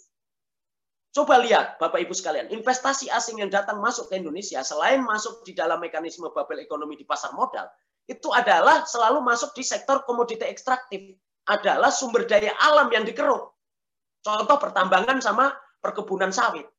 Dan kita tahu ekonomi eh, seperti ini selain eh, menyebabkan penyerobotan tanah, juga menyebabkan kerusakan-kerusakan lingkungan yang dahsyat sekali. Deforestasi atau pembabatan hutan kita itu adalah yang tercepat di dunia. Dan kerusakan ini kan akhirnya merusak juga baik biodiversity kita. Itu adalah kekayaan alam yang diciptakan merupakan berkah dari Tuhan dan hilang semua. Dan konflik-konflik masyarakat adat dan sebagainya. Kita lihat eh, eh, statistiknya bagaimana. Susenas, Susenas tahun 80 kita itu per kapita masih kepemilikan lahannya itu 1,05 hektar. Tapi hari ini 0,33. Bahkan ada yang pakar-pakar agraria itu mengatakan lebih buruk dari 0,33. Artinya apa? Anak-anak muda yang tadi itu merupakan bonus demografi, mereka sudah tidak punya lahan untuk digarap sebagai tempat menanam tanah-tanah hari ini itu sudah dikuasai oleh konglomerat sama investasi asing ini tadi. Bahkan ada satu keluarga itu menguasai sampai jutaan hektar. Bayangkan hari ini petani kita di desa-desa, ini di desa. Anda bisa lihat di statistik desa masing-masing, itu rata-rata itu adalah 70% mereka itu sudah tidak punya lahan garap, alias petani eh, buruh, eh, buruh tani saja. Nah, kondisi ini memperburuk eh, ekonomi kita tentunya. Kenapa? Karena kita masuk ke dalam jebakan investasi ini pun dikendalikan harga-harganya oleh mereka. Pasar dari komoditi ekstraktif itu selalu eh, harganya eh, teroligopoli. Contohnya harga CPO. CPO itu berapapun mau rupiah turun mau naik itu tetap 0,7 US dollar standar dari satu liter CPO. Ini artinya apa? Bahwa ada ada pengendalian dari oligopoli pasar. Artinya ada keuntungan lagi yang diambil uh, oleh kepentingan oligopoli pasar ini. Terus kemudian dari situlah muncul eh, apa, eh, ketergantungan kita terhadap investasi juga. Kalau ekonomi kita mau tumbuh, kita harus banyak-banyak investasi seperti itu. Nah, padahal janji-janji politisi kita itu selalu adalah eh, pertumbuhan ekonomi dua digit. ya walaupun tidak pernah tercapai. Eh, dari sejak zaman Orde Baru sampai hari ini belum pernah tercapai. Pak Harto hampir tercapai 10 eh, persen, yaitu 9,8 persen. Itu pun hanya satu tahun. Nah, masalah selanjutnya adalah jebakan yang saya sebut sebagai jebakan konsumsi. Jadi dengan adanya land grabbing atau penyerobotan tanah, kepemilikan lahan per kapita kita petani kita semakin jelek atau semakin buruk, akhirnya yang terjadi adalah apa yang kita makan itu adalah bukan kita produksi sendiri. Akhirnya barang-barang yang kita makan itu adalah importasi. Dan tadi saya sudah sebutkan tahun 2018 itu yang terburuk dari 30 tahun yang lalu. Importasinya itu terjadi dan ini sangat buruk menurut saya karena itu defisit terburuk dari sejak eh, 30 tahun yang lalu. Nah, yang berbahaya adalah ketika kita sudah terjebak pada konsumsi ini yang harusnya importasi. Konsumsi yang harus diimportasi. Kenapa? Karena dengan demikian kita bukan hanya akan mengalami defisit neraca perdagangan, tapi juga tadi ya, karena utang kita defisit neraca pembayaran, defisit neraca perdagangan, defisit neraca pembayaran, ditambah lagi kalau kita itu mau mengambil keputusan-keputusan yang menguntungkan rakyat kita sendiri, itu sudah akan sulit sekali. Kenapa? Karena negara-negara yang mungkin melakukan negosiasi kerjasama, itu akan melakukan manuver politik yang paling sederhana adalah yang paling uh, sangat uh, jahat adalah dengan melakukan suspend. Contohnya adalah apa? Amerika Serikat hari ini itu ketika supply kedelainya itu tidak masuk di Indonesia dengan lancar, itu harga kedelai langsung naik. Saya biasanya beli uh, apa satu papan uh, di pasar itu satu papan uh, tempe itu harganya 5.000. Saya harus beli sekarang 9.000. Naik drastis. Kalau semua makanan yang kita makan itu seperti itu, apa yang terjadi saudara-saudara? Adalah kita selalu akan tersandra. Bayangkan kalau semua kebutuhan pokoknya itu importasi seperti itu, terus kemudian eh, apa, disuspend, itu terjadi inflasi. Inflasi yang menderita, eh, apa, kita pernah derita itu sampai 600 persen itu di zaman Soekarno. Dan itu juga ada kepentingan asingnya, kepentingan rezim dari eh, Amerika masuk untuk menguasai Indonesia waktu itu. Nah ini secara terbuka Amerika sendiri sudah membuka filenya bahwa ada uh, operasi lapangan, operasi CIA yang dibuka uh, filenya uh, 50 tahun yang itu merupakan perintah undang-undang mereka. Nah, ini dan saudara-saudara sudah bisa lihat bahwa kenyataannya ada intervensi uh, intelijen asing uh, di dalam kepentingan penjatuhan Soekarno. Nah, kalau ini terjadi, kejatuhan Soeharto, apakah ini tidak ada intervensi asing? Saya kira sama halnya. Nah, yang paling berbahaya adalah jebakan konsumsi tadi dan dari situlah akhirnya kita masuk ke dalam triple trap ini. Jadi kita tergantung investasi asing yang merugikan, utang haram dan juga konsumsi yang merugikan atau importasi eh, yang harus kita impor tadi. Next. Dari sana Bapak Ibu sekalian, saya kira saya hanya punya waktu berapa menit lagi, Mas? 15 menit lagi, Mas. Oke, karena 15 menit saya langsung menukik kepada agenda demokratisasi ekonomi. Bapak Ibu sekalian, jadi yang terpenting eh, menurut saya adalah bagaimana demokrasi ekonomi ini menjadi agenda bersama. Dan saya menyebutnya di sini agak eh, menjadi kalimat aktif demokratisasi. Kenapa? Karena kalau saya hanya menyebut demokrasi ekonomi, nanti akan tertinggal sebagai wacana. Tapi dengan kata demokratisasi berarti ada perintah kesungguhan dari uh, rekomendasi festival ini supaya kita melaksanakan, melaksanakan upaya memperjuangkan ini. Perjuangan yang pertama harus kita lakukan adalah kita harus memperjuangkan alokasi fiskal pendapatan minimum warga negara. Kenapa ini penting? Karena warga negara itu tanggung jawabnya adalah eh, ada di tangan negara bahwa setiap warga negara tidak boleh ada yang sampai kelaparan. Hari ini, saudara-saudara, masyarakat Indonesia banyak yang jatuh lapar karena pandemi. Bukan hanya karena pandemi, sebelumnya juga manusia Indonesia itu banyak yang hanya makan itu satu satu kali satu hari. Kenapa ini bisa terjadi? Karena sistem ekonomi yang tidak adil ini. Kenapa tidak ada alokasi fiskal secara khusus yang itu merupakan hitung-hitungan eh, yang juga rasional dari total eh, eh, APBN kita itu dialokasikan untuk menanggulangi ini. Kalau dalam wacana internasionalnya disebut sebagai uh, universal basic income atau uh, pendapatan uh, apa, umum warga negara. Dan ini saya kira harus menjadi praktek dan kita harus perjuangkan terus-menerus. Kita harus membuat kajian-kajian serius, terus kemudian kita uh, dorong kepada kita membentuk pressure-pressure group, mempengaruhi opini supaya ini uh, menjadi keputusan-keputusan politik partai-partai maupun uh, parlemen maupun pemerintah itu sendiri. Sampai hari ini saya agak sedikit miris, selalu masyarakat kita itu eh, di apa di dalam skemanya itu disebut bansos atau bantuan sosial. Itu kemarin itu juga disebut banpres, bantuan presiden. Ini uang rakyat yang dibayar dari eh, apa eh, pajak. Kenapa menggunakan uang sendiri harus disebut bantuan? Kenapa tidak disebut sebagai alokasi fiskal? Setidak-tidaknya supaya rakyat Indonesia itu bisa beli beras semua lah. Setelah itu urusan yang lain-lain itu adalah urusan warga negara gitu. Yang kedua adalah karena kesenjangan ekonomi tadi, menurut pandangan saya harus ada satu regulasi atau kebijakan yang disebut sebagai pembagian saham. Pembagian saham itu adalah uh, skemanya disebut kalau yang sifatnya umum dipahami secara internasional itu adalah employee share ownership plan atau kepemilikan saham buruh. Jadi buruh itu harus punya saham menurut saya.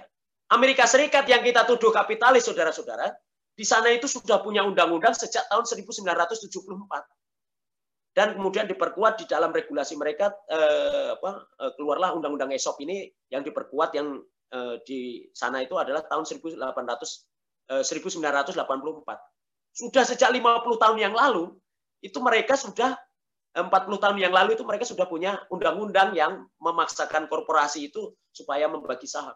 Profesor Gard dari Maryland University itu bahkan menulis satu uh, tulisan di New York Times secara provokatif Worker Owner Unite. Kenapa? Karena di Amerika Serikat itu 13 juta pekerjanya itu pemilik dari saham perusahaan. Bahkan Bernie Sanders, kandidat presiden kemarin itu mengusulkan supaya adanya policy agar kepemilikan saham buruh itu adalah secara demokratik 51 persen. Tapi eh, eh, itu beliau akhirnya populer di tengah eh, apa, di tengah-tengah eh, milenial, tapi tidak populer eh, eh, di tengah pikiran-pikiran orang-orang Republikan yang kita tahu mereka itu banyak disokong oleh para pemilik korporat kapitalis ini. Nah, yang kedua adalah pembatasan rasio gaji. Ini keprihatinan ini penting. Ekonomi kita gotong royong, ekonomi kita Pancasila, tapi praktek kesenjangan terjadi Nah, salah satunya disebabkan oleh kesenjangan gaji ini. Bayangkan saudara-saudara, BUMN yang katanya perusahaan itu milik kita, tapi ada gajinya itu antara gaji karyawannya yang terendah sampai presiden direkturnya itu sampai 2.200 kali lipat. gaji atau take home pay-nya berikut bonusnya itu kurang lebih satu orang presiden direktur BRI dan Mandiri itu 5 miliar. Sementara ada seorang buruh yang itu merupakan uh, office boy di kantor tersebut, gajinya hanya 3,4 juta, kemudian dipotong perusahaan outsourcing sampai 1 juta, hanya menerima 2,4 juta. Itu saya perkalikan, itu 2.200 kali lipat. Bayangkan dengan modular-modular perusahaan koperasi misalnya yang Mondragon ada di Spanyol itu. Mereka itu gajinya hanya satu banding enam kali lipat. Jadi di dalam e, bekerja pun ini menimbulkan mental slavery. Kenapa? Karena kesenjangan gaji yang sangat tinggi. Seorang office boy mungkin sudah gemeteran, bahkan dia takut e, dipecat dan juga e, apa? Karena secara e, ekonomi e, terlalu senjangnya terlalu jauh itu seperti raja bersama budak-budaknya di dalam kantor. Ini harus dihapuskan menurut saya. Inilah yang menciptakan mental slavery dari bangsa kita. Dan ini harus dikikis habis melalui satu regulasi baru yang disebut dengan pembatasan rasio gaji. Yang selanjutnya adalah reforma agraria. Kawan saya eh, Dewi Kartika itu mengatakan beliau dari eh, Sekjen eh, Konsorsium Pembaruan Agraria. Hari ini sebetulnya reforma agraria yang dilakukan oleh Presiden Jokowi itu nol Dikatakan nol karena yang terjadi adalah hanya sertifikasi. Sertifikasi itu malah justru modular yang memperlancar terjadinya eh, penyerobotan lahan tadi. Kenapa? Karena statutanya menjadi jelas. Yang harusnya dilakukan reforma agraria itu adalah meliputi tata kelola. Supaya rakyat itu jangan sampai menjual tanahnya. Supaya rakyat itu tidak terserobot tanahnya karena izin-izin eh, legal dari eh, tambang dan juga perkebunan-perkebunan itu. Yang keempat adalah operasikan BUMN dan BUMD. Pandangan saya, kenapa layanan-layanan publik yang ada di luar negeri itu seperti di Amerika yang saya contohkan sebagai negara kapitalis itu di sana listrik bisa dikelola melalui kooperasi bahkan refinery bahkan eh, petambang minyak dan juga bahkan ke eh, rumah sakit dan sebagainya itu bisa dikelola oleh eh, kooperasi. Kenapa kita tidak melakukannya? Kenapa BUMN itu dipaksa harus berbadan hukum persero? Nah, pandangan saya nanti harusnya eh, Festival Demokrasi Ekonomi ini juga melahirkan bukan hanya rekomendasi, tapi juga mendorong supaya ada eh, komite-komite, komite-komite yang membahas khusus soal hukum, regulasi dan sebagainya. Agendanya adalah judicial review dan sebagainya, sehingga eh, manifestasi dari festival ini nanti akan menjadi suatu koalisi besar untuk agenda demokratisasi ekonomi. Undang-undang BUMN menurut saya ini sudah sifatnya diskriminatif terhadap badan hukum koperasi yang merupakan badan hukum privat yang diakui oleh negara. Dan ini melanggar pasal 28D dari Undang-Undang Dasar 45. Kenapa? Karena diwajibkan BUMN itu semua harus berbadan hukum perseroan. Apa salah dan dosa koperasi? Bahkan koperasi ini disebut di undang-undang atau konstitusi kita itu sebagai bangun perusahaan yang sesuai dengan demokrasi ekonomi. Bahkan Bung Hatta secara redundan berulang-ulang mengatakan bahwa yang saya sebut dengan ekonomi kekeluargaan itu ialah koperasi. Tidak ada disebut BUMN di Undang-Undang Dasar 45 kita. Tidak ada disebut perusahaan swasta. Yang ada adalah penguasaan oleh negara atas e, sumber daya alam, bumi, air, dan kekayaan alam untuk sebesar-besar kemakmuran rakyat. Nah, instrumen untuk supaya sebesar-besar kepentingan kemakmuran rakyat ini harusnya adalah lembaga demokrasi bangun perusahaan koperasi ini.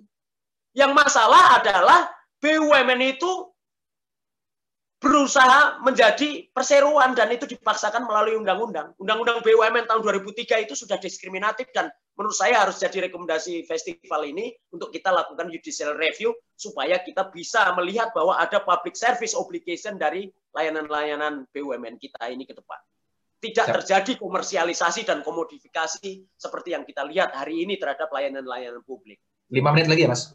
Ya, yang kelima adalah hapus model kebijakan paket input. Paket input itu apa? Saudara-saudara, ekonomi neoklasikal, eh, ekonomi-ekonom kita itu selalu memberi saran bahwa untuk memerangi kemiskinan di Indonesia itu adalah dengan cara memberikan akses kredit, termasuk yang kemarin itu sekarang sudah diteken sebagai eh, apa, PP, diteken oleh Presiden Jokowi itu PP, eh, yang terbaru adalah PP Holding Ultramikro, yang menggencet koperasi. Nah, PP ini sebetulnya e, mempertegas bahwa ekonomi kita itu hanya membicarakan rakyat miskin ini, e, terutama usaha-usaha mikro ini sebagai penerima eh, pinjaman saja, bukan menempatkan mereka sebagai subjek melalui badan hukum atau lembaga lembaga koperasi yang kemudian didesain supaya eh, bagaimana mereka ini bisa menyelesaikan persoalan eh, ekonominya. Padahal kita tahu usaha mikro ini hanya tiga persen dari rasio kredit perbankan selama ini, walaupun ada program kredit seperti eh, apa eh, dan sebagainya yang disubsidi. Ini fakta bahwa bank perbankan kita itu tidak bisa bergerak membantu rakyat kecil. Bahkan ketika pandemi ini, mereka sudah diberikan dana penyertaan, modal penyertaan dan uh, modal uh, modal penyertaan dan modal um, uh, apa, dana penempatan di bank sebanyak 124 triliun, ternyata juga macet. Macet dan hanya uh, membiayai korporasi besar. Usaha mikro tidak tertolong. Sampai kemarin akhirnya keluarlah banpres yang jumlahnya itu sangat kecil sekali ya bantuan langsung tunainya itu uh, untuk usaha mikro hanya 11 triliun tahun 2020. Nah, model kebijakan paket input itu selain akses kredit adalah subsidi bunga, eh, apa, subsidi pupuk dan kemudian ini subsidi pupuk ini juga hanya bancaan saudara-saudara. Bahkan saya lihat di lapangan polisi ikut jualan sekarang. Kenapa? Karena polisi dilibatkan dalam pengawasan uh, saluran distribusi. Nah, ini udah semrawut sekali. Itu jumlahnya 36 triliun setiap tahun. Kemudian sarana produksi pertanian. Jadi kegemaran kita menjadikan rakyat ini sebagai orientasi proyek dari pembangunan, sebagai objek dari pembangunan, bukan sebagai subjek pembangunan inilah yang akan memperlanggeng kemiskinan menurut saya. Yang tujuh adalah fokus pada ekonomi, eh, enam adalah fokus pada ekonomi domestik. Bung Hatta selalu mengatakan bahwa ekonomi yang ujung jangan jadi pangkal, pangkal jangan jadi ujung. Apa itu ekonomi pangkal? Ekonomi pangkal adalah pangan sama energi. Inilah yang harus jadi fokus. Yang ujung itu adalah komoditi ekstraktif. Komoditi ekstraktif itu artinya tidak perlu uh, apa dieksplorasi. Kalau kita bisa memakan apa yang tumbuh di atas tanah, itu sebetulnya kan tidak perlu kita menggali tanah. Maka dari itu, Bung Hatta ini menurut saya sangat uh, apa, genuine dan sangat futuristik sekali. Kita lihat ternyata apa yang terjadi? Ternyata eh, ekonomi kita justru sekarang ini dikuasai oleh ekonomi ujung ini bukan ekonomi eh, pangkal sebagai yang dominan. Kita pangkalnya malah importasi tadi. Jadi Bung Hatta itu eh, sudah sangat futuristik sekali. Dan eh, skemanya menurut saya ketika kita eh, apa, eh, bernegosiasi harusnya bisa balance neraca perdagangan kita kita bisa pertahankan supaya tetap balance dengan cara apa? Kita naikkan importasi di sektor apa? Eh, barang modal yang mendukung sektor pangan misalnya impor sebanyak-banyaknya untuk apa? Uh, untuk eh, mesin-mesin uh, apa? Uh, menciptakan produk-produk uh, home industry, industri rumah tangga kita dan pertanian-pertanian rumah tangga kita supaya langsung bisa berkompetisi di pasar internasional misalnya atau setidak-tidaknya memenuhi kebutuhan pasar lokal lah, tidak harus impor gitu. Ini yang harusnya terjadi. Yang ketujuh adalah kembalikan kedaulatan kebijakan moneter kita yang sudah tercerabut dari akarnya. Sekarang BI ini fungsinya hanya sebagai penjaga portal dan juga penjaga lilin di tengah eh, apa kegelapan gitu. Eh, saya kira itu dan eh, manifestasinya menurut saya koperasi ini penting. Kenapa koperasi penting? Karena koperasi sebagai bangun perusahaan demokratis, bangun perusahaan yang sesuai dengan demokrasi itu ialah koperasi. Ini penjelasan pasal 33. Raisong detrenya jelas. Next. Kenapa kooperasi? Karena keadilan ekonomi, keberlanjutan pembangunan, pembangunan ekologis, stabilitas politik itu penting. Next. Raisong Detre dari kooperasi ini apa? Adalah kooperasi ingin menempatkan relasi sosial yang setara dan tempatkan manusia lebih tinggi dari modal. Modal hanya alas bantu dan bukan sebagai penentu seperti di dalam sistem korporat kapitalis. Dan inilah kenapa Bung Hatta mengatakan, sebelumnya Mas, Bung Hatta mengatakan bahwa kooperasi itu lawan tanding kapitalisme, sebenarnya substansinya di sini bukan soal besar kecilnya uh, unitary dari bisnis koperasi, tapi adalah deklarasi kesetaraan ini. Dan kalau kita baca sejarahnya, sejarah organisasi modern pertama koperasi di dunia itu Rochdale, itu adalah disebut sebagai Equitable Society Pioneers of Rochdale. Artinya apa? Itu bukan deklarasi badan usaha, tapi deklarasi kesetaraan manusia, Equitable Society. Demikian eh, menurut saya eh, sebagai pemantik diskusi yang terlalu panjang karena saya diberikan waktu yang sangat luar biasa sama panitia. Terima kasih. Waalaikumsalam. Waalaikumsalam warahmatullahi. Terima kasih banyak Mas Suroto. Super sekali. Ya, lumayan dikasih waktu yang lumayan panjang Mas, biar mantap. Ya, potong-potong gitu. Tadi saya mungkin highlight beberapa hal saja sebelum kita masuk ke diskusi dari pertanyaan para peserta. Saya lagi mohon cek selidonya isi pertanyaannya atau like pertanyaan yang menurut teman-teman oke okay untuk dijawab terlebih dahulu. Dan karena waktunya memang terbatas untuk sesi pertama ini di sesi untuk diskusinya, ya paling hanya bisa dapat tiga pertanyaan mungkin. Nanti kita cek. Sebelum saya cek ke selidonya, mungkin review beberapa hal yang menurut saya menarik tadi, ya kembali kepada demokrasi ekonomi ini lucu sebenarnya kalau jadi barang aneh gitu ya. Padahal dasarnya ada, di konstitusi ada, di cita-cita pendiri bangsa ada, tapi realitanya masih jauh dari kenyataan itu gitu ya. Dengan sistem ekonomi yang ada di Indonesia sekarang. Lalu politik saja minus ekonomi itu selalu menjadi ya pesan ya. Salah satunya Bung Hatta bahwa ini akan jadi autokratik, menjadi demokrasi yang palsu. Autokrasi. Autokrasi, autokrasi. Lalu tadi bahkan Mas Roto oligarki plus plutokrasi, jadi plutogarki. Mungkin teman-teman di sini juga sudah sering, yang sering dilempar itu istilah oligarkinya utamanya. Kalau yang di netizen ya Indonesia sekarang ya oligarki yang sering dikejar. Tapi Mas Roto tekankan bahwa dua nih, oligarki iya, plutokrasi iya. Jadinya plutogarki tadi. Orang kaya dan penguasa itu saling support lah. Duduk di parlemen dan di eksekutif. Rasio gininya timpangnya ting ketimpangan tinggi, kekayaannya rendah untuk warga yang kecil, modal jadi pengendali segala. Mungkin satu lagi yang saya mau highlight di kata-kata demokratisasi. Ini ya benar kata Mas Roto ya, kita pengennya bukan cuma diskusi diskusa-diskusi ya. Sebaiknya ke depannya tuh ada aksi yang bisa dilanjutkan supaya demokrat demokrasi ekonominya terwujud gitu. Jadi digunakan pilihan diksi demokratisasi itu kalau Gapatma misalnya eh, apa mengajukan judicial review undang-undang BUMN itu sudah menggetarkan seluruh oligarki dan plutokrat di Indonesia. Aduh, siap mas. Kita lihat nanti untuk tahun ini kita bisa sampai mana. Tapi buat ke depan tadi ada yang satu sih mas. Jadi kayak kita juga sepakat sih kalau wacana-wacana doang itu juga capek gitu. Kayak seru kita bahas ini bahas itu. Tapi ujung-ujungnya kan kita pengen prakteknya. Di sini sudah ada beberapa pertanyaan, kita bisa ambil dari yang tertinggi. Nah, di sini kita mulai dari yang paling atas, Mas Rifki. Apa inspirasi pribadi dari Bapak yang membuat semangat dalam menyuarakan demokrasi ekonomi? Kedua, adakah negara di dunia yang benar-benar menerapkan demokrasi ekonomi? Monggo Mas Suroto. Pertama adalah bahwa inspirasi pribadi saya, spiritualitas saya ya melihat realitas masyarakat kita yang ada di bawah. Bayangkan eh, apa, itu kenyataan dalam keseharian saya. Tukang beca yang ada di kampus menjadi turning point bagi saya untuk memperjuangkan kemanusiaan. Kenapa? Mereka itu menderita, terus kemudian mereka itu eh, apa, eh, menjadi eh, korban dari pemerasan rentenir. Itu realitas yang ada di dalam keseharian kita Nurani kita terkoyak-koyak kalau kita tidak bisa melihat itu. Eh, jadi eh, saya sendiri merasa seperti itu. Inspirasi terpenting adalah karena melihat realitas keseharian saya sendiri.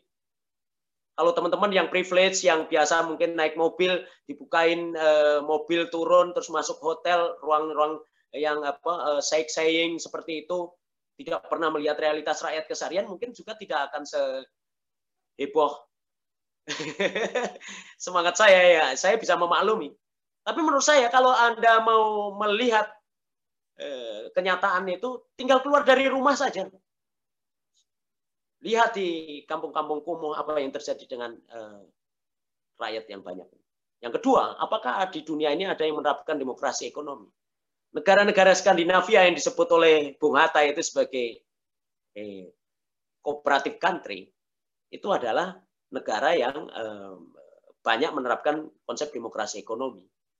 Kenapa? Karena kepemilikannya didorong oleh eh, koperasi. Bahkan seperti negara-negara Eropa Barat yang lain itu, Amerika aja ekonomi domestiknya diterapkan koperasi. Ya memang ada kesenjangan yang eh, terjadi di Amerika itu karena, tapi mereka itu kan punya alat keruk ekonomi melalui imperialisme internasionalnya. Jadi mereka walaupun mereka itu ceroboh pun mengelola ekonominya mereka tetap akan kaya karena dolarnya laku kan. Nah, negara-negara Skandinavia saya kira yang kita lihat di sana ternyata dampaknya apa?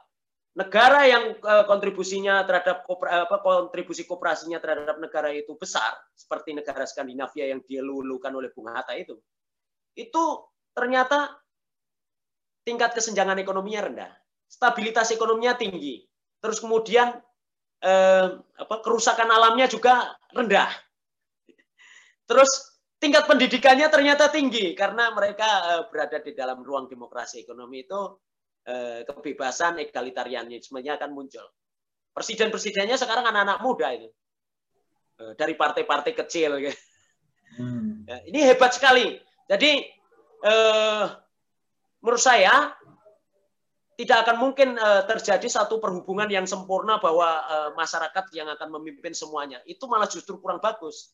Kenapa? Kalau tidak ada peranan korporasi juga, tidak ada peranan negara, terus kemudian masyarakat yang memimpin, masyarakat yang Eh, komunal, view komunal seperti itu bisa menjadi tribal komunal. Dan itu sama dengan bahayanya dengan fasisme, dengan kapitalis itu sendiri. Jadi keseimbangan, titik keseimbangan itu yang penting. Dan itu menurut saya gerakan dari bawah melalui kooperasi, gerakan strukturalnya kita perjuangkan melalui regulasi dan kebijakan. Bagaimana kita bisa menjadi pressure group itu yang paling penting. Siap. Masih Mas Roto. Ini Rifki mau menanggapi kembali kah? Kalau mau kita bisa bantu unmute. Monggo Rifki kalau mau menanggapi atau kalau cukup boleh. Bisa Kita lanjut. aja sih. Mana? Uh, salam kenal Mas Surato dari ya. Rifki, teman-teman semua. Saya kebetulan kerja di BUMN, Pak Jadi saya anak buahnya Pak Erik di salah satu tambang lah. Oke. Okay. Jadi saya udah lama sih tiga sekitar beberapa bulan yang lalu pernah lihat slide-nya Mas, Mas Suroto dan memang tertarik dengan pemikirannya. Tergelitik di saya kenapa BUMN publik itu nggak kooperasi, nggak dimiliki oleh seluruh warga gitu kan, seluruh rakyat lah. Karena kan kepentingannya juga kepentingan rakyat. Saya uh, salut dan apresiasi aja sih. Terima kasih jawabannya Mas Suroto dan teman-teman tetap semangat. Thank you, Mas. Iya, hari Siap. ini saya juga di quote di Kompas Eh, eh, di seminar kemarin yang diselenggarakan oleh Bina Swadaya. saya minta supaya PLN itu dikoperasikan gitu. Nah, itu cocok gitu. 80 juta rakyat Indonesia langsung itu keanggotaan koperasinya terbesar di dunia itu. Setuju banget. Wah, terima kasih Mas Rifki. Ini ada sudut pandang dari ini ya, BUMN. Ternyata malah tergoda dengan konsepnya tadi ya, bahwa dimiliki oleh para warganya atau konsumennya tadi. Terima kasih Mas Rifki untuk pertanyaannya dan tanggapannya. Kita lanjut ke berikutnya Pak Gregorius Hutomo. Pertanyaannya adalah demo ya maksudnya demokrasi ekonomi mungkin ya, mengendaki hak setara untuk terlibat dalam produksi dan seterusnya. Apakah hal ini terbatas nasionalitas atau semakin terbukanya FDI, oh ya, Foreign Direct Investment, juga termasuk dalam penerapan demokrasi ekonomi? Mas Roto, monggo Mas. Ya. Foreign Direct Investment itu tidak mungkin eh, dihindari. Gitu. Tapi foreign direct investment yang seperti apa itu yang penting. Jadi foreign direct investment yang tidak merusak kedaulatan kita. Kedaulatan kita itu di mana? Misalnya soal kepemilikan tanah. Jangan eh, kita jual rakyat kita, jual eh, republik ini hanya semata untuk mengejar foreign direct investment. Dan foreign direct investment yang memberikan keuntungan rakyat itu yang penting. Sekarang ini coba infrastruktur diberikan eh, regulasi karpet merah, terus kemudian eh, apa eh, regulasi karpet merahnya itu apabila terjadi apa-apa semua tanggungan APBN itu terhadap eh, semua instalasi bisnis mereka itu di Indonesia. Misalnya Mas Bimo melempar eh, instalasi bisnis foreign direct investment dengan bom molotov atau apa itu, itu jadi kerugian negara itu. Nah, jadi eh, semua yang terjadi itu adalah bahwa eh, foreign direct investment tidak bisa dihindarkan karena kita sebagai warga negara bangsa global. Tapi kedaulatan kita jangan dijual gitu. Hmm. Jangan merugikan juga rakyat, jangan malah uh, foreign direct investment menyerobot tanah-tanah rakyat, menghabisi uh, kehidupan uh, kultural mereka, adat istiadat yang mereka sudah hidupi sampai beratus-ratus tahun. terus kemudian menghancurkan biodiversity kita. Foreign direct investment yang memanusiakan manusia, foreign direct investment yang eh, eh, memberikan nilai tambah ekonomi, nggak ada masalah. Siap. Jadi boleh dibilang eh, bukan masalah foreign direct investmentnya ya, berarti skemanya sendiri seperti apa gitu, ya, dengan beberapa prinsip yang mendasari. Mungkin Pak Gregorius mau menanggapi? Saya bantu unmute kalau mau menanggapi lanjut. Kalau tidak boleh di chat di uh, grup chat supaya kita bisa lanjut ke pertanyaan berikutnya. Pak Gregory Sutomo. Cukup? Oke. Terima kasih Pak Gregorius. Kita lanjut ke pertanyaan berikutnya. Masih ada waktu? Masih. Ini bisa jadi yang terakhir ya. Tapi mungkin saya mau menanggapi pertanyaan dulu ini dari Jody. Apakah materi presentasi akan di-share? Ya. Semua materi presentasi dari Narsum akan di-share di setelah acara selesai ya. Setelah rangkaian acara selesai. Jadi di tanggal 13-14 dan semua acara akan kita rekam.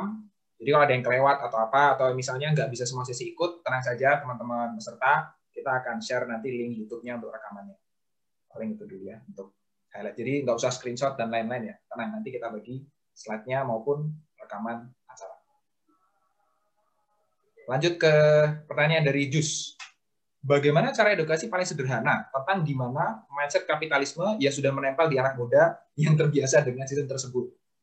Nah, monggo Mas Roto ini bagaimana ya. untuk di Indonesia ini kan memang eh, demokrasi ekonomi sama koperasi ini sudah diaborsi ya, sudah dibunuh dari sejak belum lahir. Kenapa? Kan yang namanya melahirkan ilmu pengetahuan pemahaman itu kan di sekolah, di kampus. Tapi di kampus sistem ekonomi, demokrasi ekonomi ini tidak diajarkan. Aneh nggak itu? Coba Mas eh, Sena teliti lebih jauh lagi, apakah demokrasi ekonomi ini diajarkan di kampus sebagai mata kuliah atau tidak? Terus kemudian kooperasi ini diajarkan apa tidak? Padahal ini sistem ekonomi kita. Ya. Itu perlu diriset, kemudian dibuka sebagai fakta. Gitu. Ini menarik itu. Terus kenapa? Pertanyaannya kenapa? Kita tanyakan saja sama dosen-dosennya gitu. Kenapa kok ini tidak jadi mata kuliah penting? Padahal sistem ekonomi kita gitu. Nah, cara mengajarkan yang paling sederhana adalah eh, bagaimana mengajarkan kooperasi itu dalam praktek itu adalah demokrasi ekonomi dalam praktek keseharian. Bagaimana menempatkan manusia itu lebih tinggi dari modal. Nah, cara mengajarkan anak-anak muda, ajak diskusi mereka di mungkin komunitas-komunitas atau kelompok ekonomi kreatif mereka, terus kemudian eh, apa? sodorkan fakta bahwa sistem kapitalis dan bedanya sistem korporat kapitalis sama koperasi itu apa. Kalau korporat kapitalis itu sama eh, koperasi sama-sama mencari keuntungan atau mengejar benefit. Eh, mendapat keuntungan lah intinya. Koperasi juga orang yang investasi harus dapat untung. Kalau nggak dapat untung, mereka tidak mau berkoperasi kan. Nah, korporat iya sama. Tapi yang membedakan di mana? Yang membedakan itu adalah dalam mengambil keputusan. Satu orang satu suara itu. Kenapa kok harus seperti itu? Karena koperasi menempatkan manusia lebih tinggi daripada modal. Bangun perusahaan yang disebut bangun perusahaan yang demokratis itu kooperasi itu oleh penjelasan UUD 45 itu maksudnya itu. Karena menempatkan manusia lebih tinggi dari modal. Modal itu hanya sebagai alat bantu, bukan sebagai alat penentu dari keputusan perusahaan. Karena modal itu sebagai penentu, maka dari itu korporat kapitalis itu banyak yang investornya tidak pernah ke Sangihe. Tapi kenapa kok eh, tiba-tiba uh, setengah dari pulau itu hancur karena investor ini. Dia mungkin tidak pernah ke sana pun tidak pernah. Melongok sedikit pun tidak pernah. Masyarakat adatnya di sana itu udah hidup ribuan tahun juga, eh, dia tidak pernah.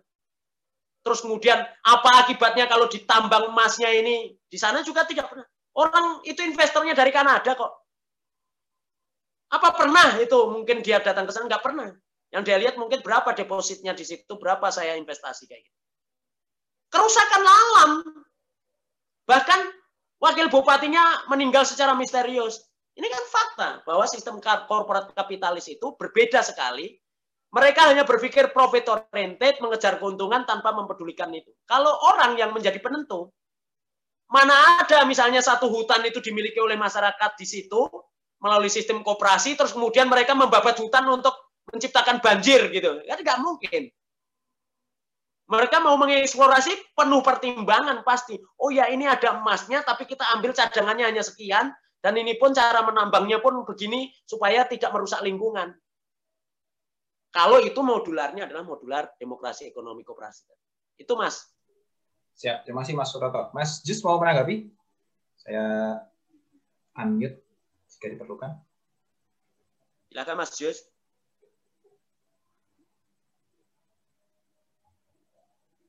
Belum? Ya. Oh, cukup. Terima kasih. Katanya cukup, Mas. Oke, kalau cukup, uh, waktunya juga sudah pukul 12. Ini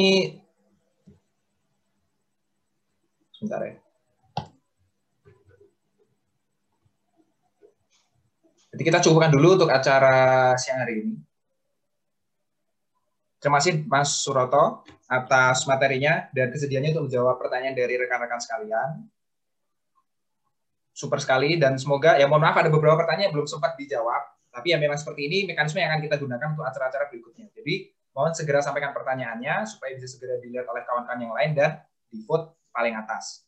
Sedikit sebelum kita menutup seluruhan acara, saya mau cerita sedikit ada satu link yang nanti akan kita bagikan di grup WA, yaitu tentang virtual wall. Jadi kita kan sempat cerita ya, ada virtual wall, di mana di sini diharapkan selama mengikuti acara, selama tiga hari ke depan, kawan-kawan bisa menumpahkan entah kepikiran ide tertentu atau memiliki kesan pesan tertentu, harapan, masalah, solusi, ada punya ide, atau ada pengen mimpi tertentu, atau kritik saran terhadap acaranya sendiri bebas.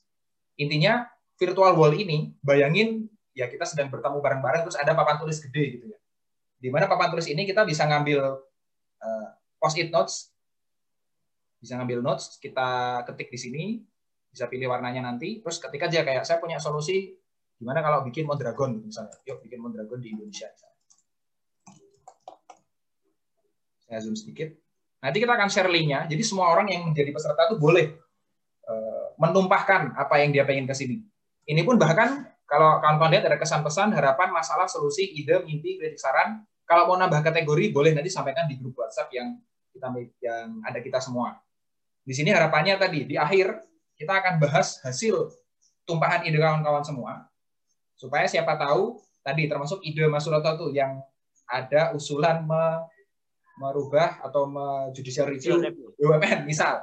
Nah, kita lihat berapa banyak orang yang misalnya memiliki ide yang sama atau rasa oh ini cocok nih perlu kita lakukan. Ini memang eh, tadi ya bayangkan kita punya suatu dinding yang kita tempeli post-it notes, kita tempeli notes ini dengan berbagai warna. Silakan tumpahkan apa yang teman-teman pikirkan. Kalau ada ide kategori baru, bisa tuliskan saja langsung atau sampaikan di grup WA supaya kita bisa ubah. Nanti kita akan share linknya.